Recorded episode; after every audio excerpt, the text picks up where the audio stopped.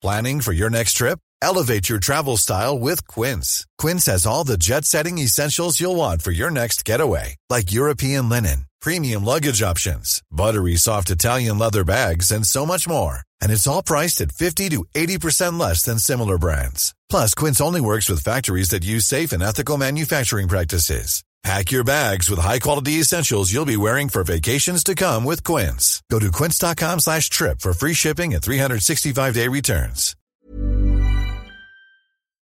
Hans Petter Co. presenteres av TrippelTex, det skybaserte økonomisystemet som gir store og små virksomheter full oversikt over økonomien.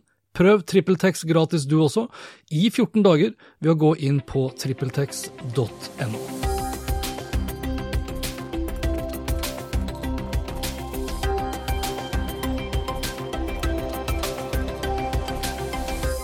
Hei og velkommen til Hans Petter og co. Jeg heter Hans Petter, og denne episoden ble spilt inn onsdag 14. august. Lenker til alt jeg snakket om og øvrige innslag finner du selvsagt på hanspetter.info.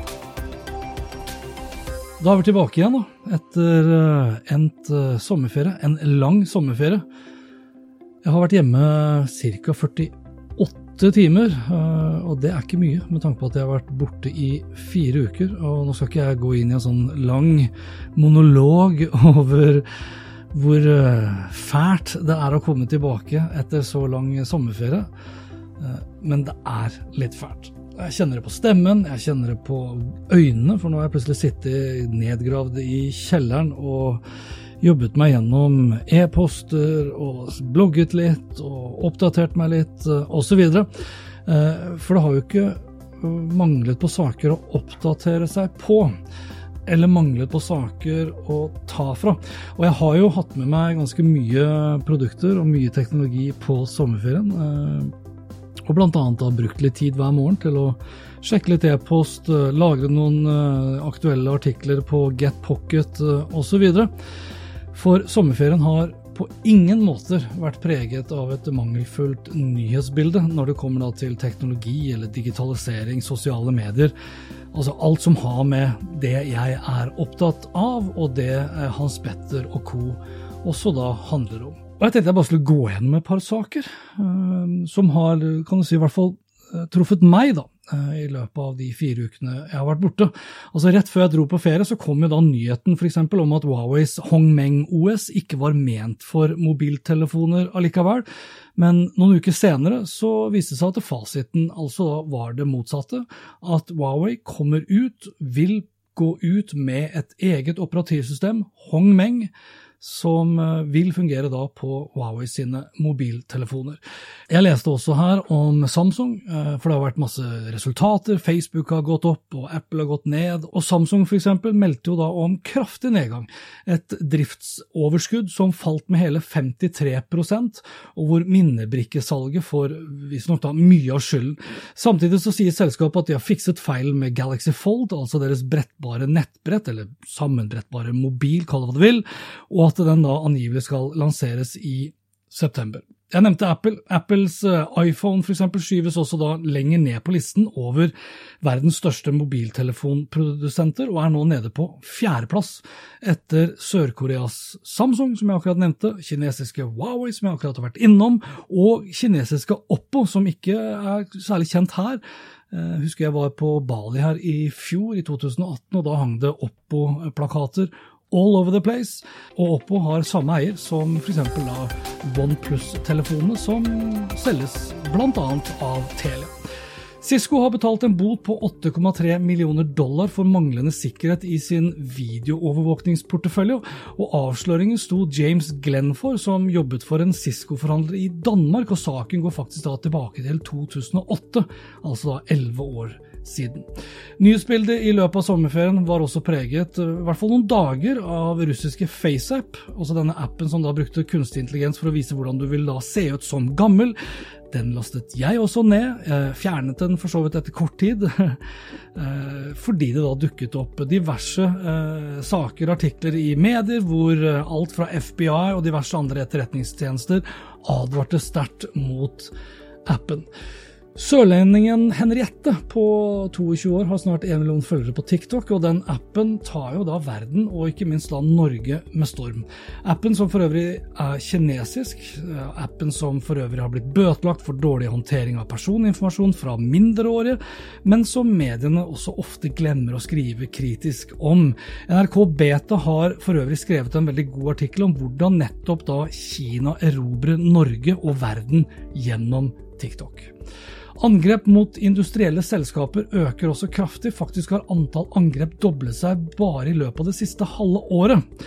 Og nå, mens Arendalsuken pågår, så snakkes det selvsagt mye om 5G, om IOT, kunstig intelligens og også om sikkerhet. Altfor ofte er det også det vi nøyer oss med, altså å snakke om det. Hvordan vi derimot skal sikre oss, bl.a. gjennom økte studieplasser innen IT-sikkerhet, ja, det er en annen ball. Og Computerworld skrev for øvrig i løpet av sommerferien at hele tre av fire virksomheter i Norge ikke stoler på egen sikkerhet. Siden eh, jeg dro på ferie, så har også Ipsos vært ute med sin eh, tradisjonelle kvartalsrapport, sin SoMe-tracker, altså sosiale medietracker, som egentlig ikke sier så mye nytt. Spesielt ikke hvis man ser utviklingen da over tid og legger til feilmarginen i deres undersøkelser. Og Jeg har jo fulgt det her nå en stund, gjennom hele 2018 og 2019, og jeg har sett litt på hvordan utviklingen har vært, og jeg skal ikke gå altfor dypt inn i det, men hvis jeg ser på LinkedIn, Twitter, YouTube, Snapchat, Instagram og Facebook, så er det liten eller ingen forskjell. Liten økning på 3% hos LinkedIn. Negativ utvikling hos Twitter på 3% Ingenting har endret seg hva gjelder antall eh, nordmenn med profiler på YouTube. Liten nedgang hos Snapchat. Litt høyere oppgang hos Instagram, 8 så den er nok eh, over feilmarginen, så der er det kanskje en reell vekst. Mens Facebook eh, endte på 2% når jeg da ser på andre kvartal 2019 mot andre kvartal 2018. Og tilsvarende er det også egentlig med eh, de som bruker da, de respektive plattformene daglig. Ingen endring på Twitter, nei, liten endring. Ingen endring på LinkedIn. 20% faktisk økning på YouTube, hvor andel som bruker YouTube angivelig daglig har økt fra 20% i 2018 andre kvartal til 24% Snapchat liten endring på 4% altså en liten nedgang i de som har profil, men en liten økning i de som bruker det daglig.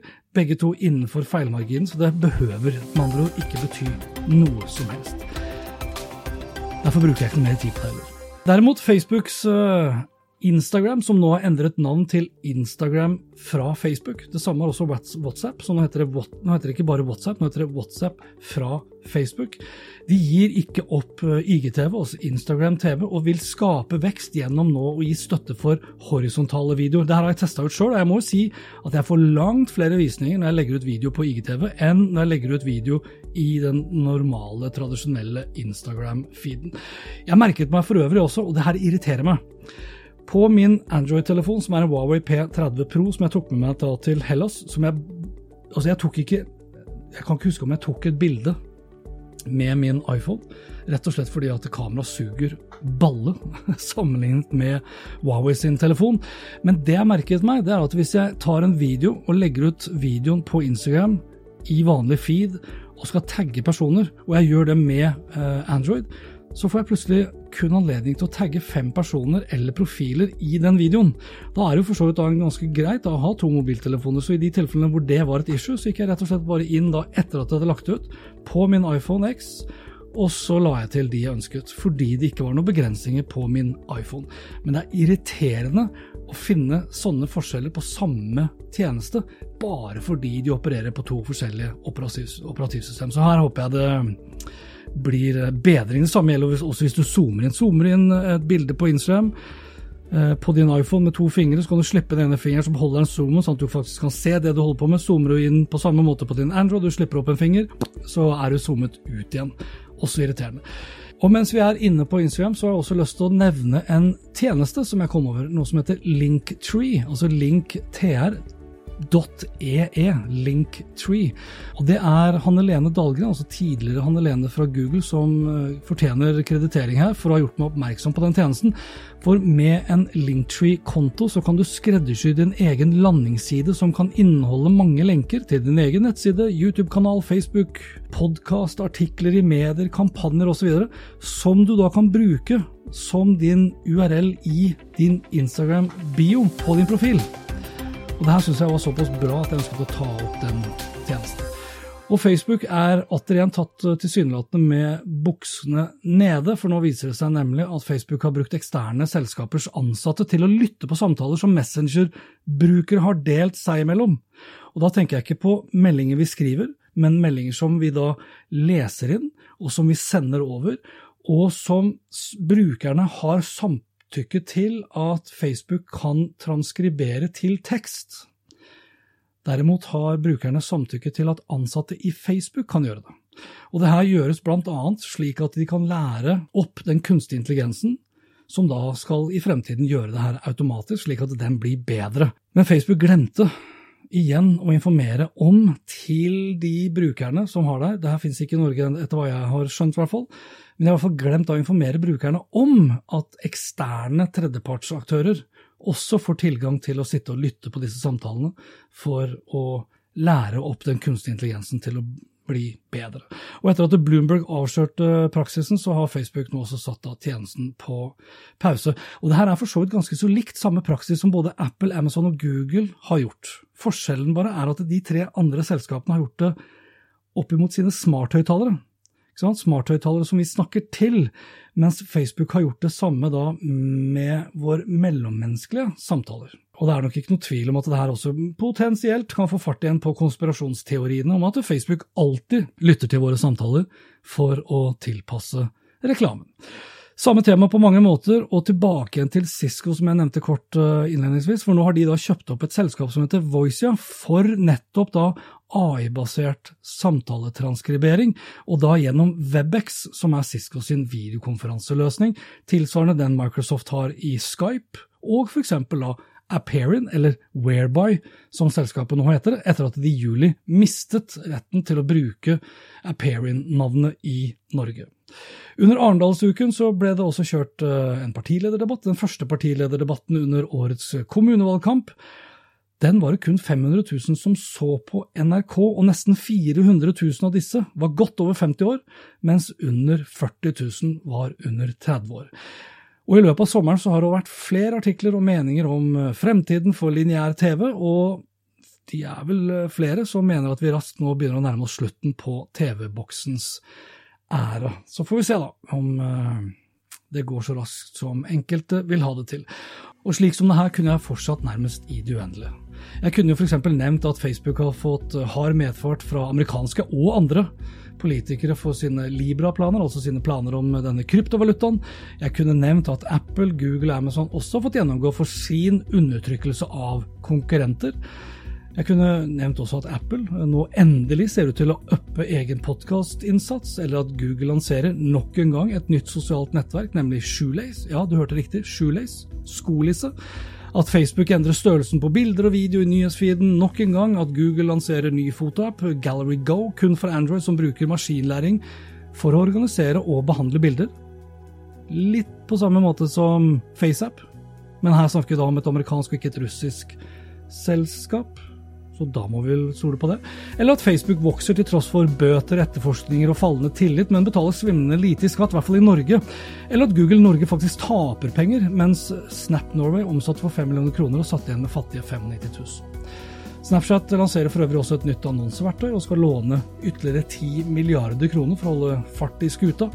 Jeg kan nevne, og jeg vil nevne, at Geosnap Geir Ove Pedersen, Norges største ukjente kjendis, er i ekstremt godt selskap som en av ytterst få i verden som er en del av Snapchats nye satsing Creator Shows, og han deler spotlighten her med Serena Williams, Kevin Hart og Arnold Schwarzenegger. Jeg kunne også brukt litt mer tid til å snakke om at EU nå har bestemt at nettsider og apper med Facebook sin liker-pluggen må ha brukernes samtykke før de sender informasjonen til Facebook. Eller at Facebook nå lanserer konkurrent til Apple TV, eller at Spotify er snart klar med nytt annonseformat, og at Google Maps ruller ut AR-kart. Det fikk jeg testet for øvrig mens jeg var på ferie i Hellas. Funker som F og blir spesielt kult, tror jeg, å bruke i bil. Og jeg kunne også nevnt at Microsoft innrømmer, de også, at de lytter på private Skype-samtaler på samme måte som jeg nevnte at Apple har gjort med Siri, Google har gjort med Google Home, og Amazon har gjort med sin Alexa. Kunne jo sagt at alt du sier og gjør vil bli brukt imot deg, og derfor er det også stadig flere som snakker om human rights på nettet. Ta en kikk f.eks. på The Great Hack på Netflix. Det er en nesten to timer lang dokumentar om hele Cambridge Analytica-skandalen, og hvordan Facebook ble brukt til å manipulere Donald Trump til makten og Storbritannia ut av EU. The dream of the connected world is tearing us apart, som det så pent het. Og er du først innom Netflix og har latt deg bli skremt av The Great Hack, så kan du bli kanskje enda litt mer skremt av hvordan nordmannen Abraham Vereide etablerte The Fellowship, eller da The Family, som eh, serien heter, i Amerika, og det inspirert av Hitler og den italienske mafiaen, for hvordan de, så usynlig som mulig, kunne skape seg så stor innflytelse som mulig. Dette er en skremmende dokumentarserie om hvite menns kamp for makt og verdensherredømme, og det med velsignelse fra sittende amerikanske presidenter i løpet av de siste 70 årene. Og jeg tror jeg gir meg, rett og slett, for denne gangen. Jeg tror jeg kunne ha snakket mye om alt jeg har tatt med meg av produkter og teknologi på Hellas-ferien, men det tror jeg vi tar i neste episode, i Oppgradert, sammen med Eirik Normann Hansen. Og derfor takker jeg av for første episode av sesong to av Hans Petter og co. Og liker du det du hørte og vil forsikre deg om at du får med deg i neste episodene, da kan du bl.a. abonnere på Hans Petter og Co. på Apple Podcaster. Ellers er podkasten også tilgjengelig på Spotify, Acast, Google Podcast, Overcast og TuneIn Radio. Og inntil neste gang, vær nysgjerrig, da, for det er den beste måten å møte vår digitale fremtid på. Step onto the legendary clay courts of Roland Garros, where the world's best players battle it out for a chance to win the French Open title. Tennis Channel Plus is your place to watch. Stream every court from your phone or smart TV, live in HD. Don't miss a moment with daily live coverage and match replays on demand, beginning Monday, May 20th. Be there for all the unforgettable moments. Stream now with Tennis Channel Plus. My business used to be weighed down by the complexities of in person payments. Then, Tap to Pay on iPhone and Stripe came along and changed everything. With Tap to Pay on iPhone and Stripe, I streamlined my payment process effortlessly. Now I can accept in person, contactless payments right from my iPhone. No extra hardware required. What's truly remarkable is how I can cater to all of my customers' payment preferences. Whether they're using cards, Apple Pay, or other digital wallets, Tap to Pay on iPhone and Stripe ensure a smooth checkout experience every time. And it's not just me. Stripe helps businesses of all sizes, from local markets to global retailers, scale quickly and stay agile. To learn how Tap to Pay on iPhone and Stripe can help grow your revenue and reach, visit stripe.com slash tap iPhone.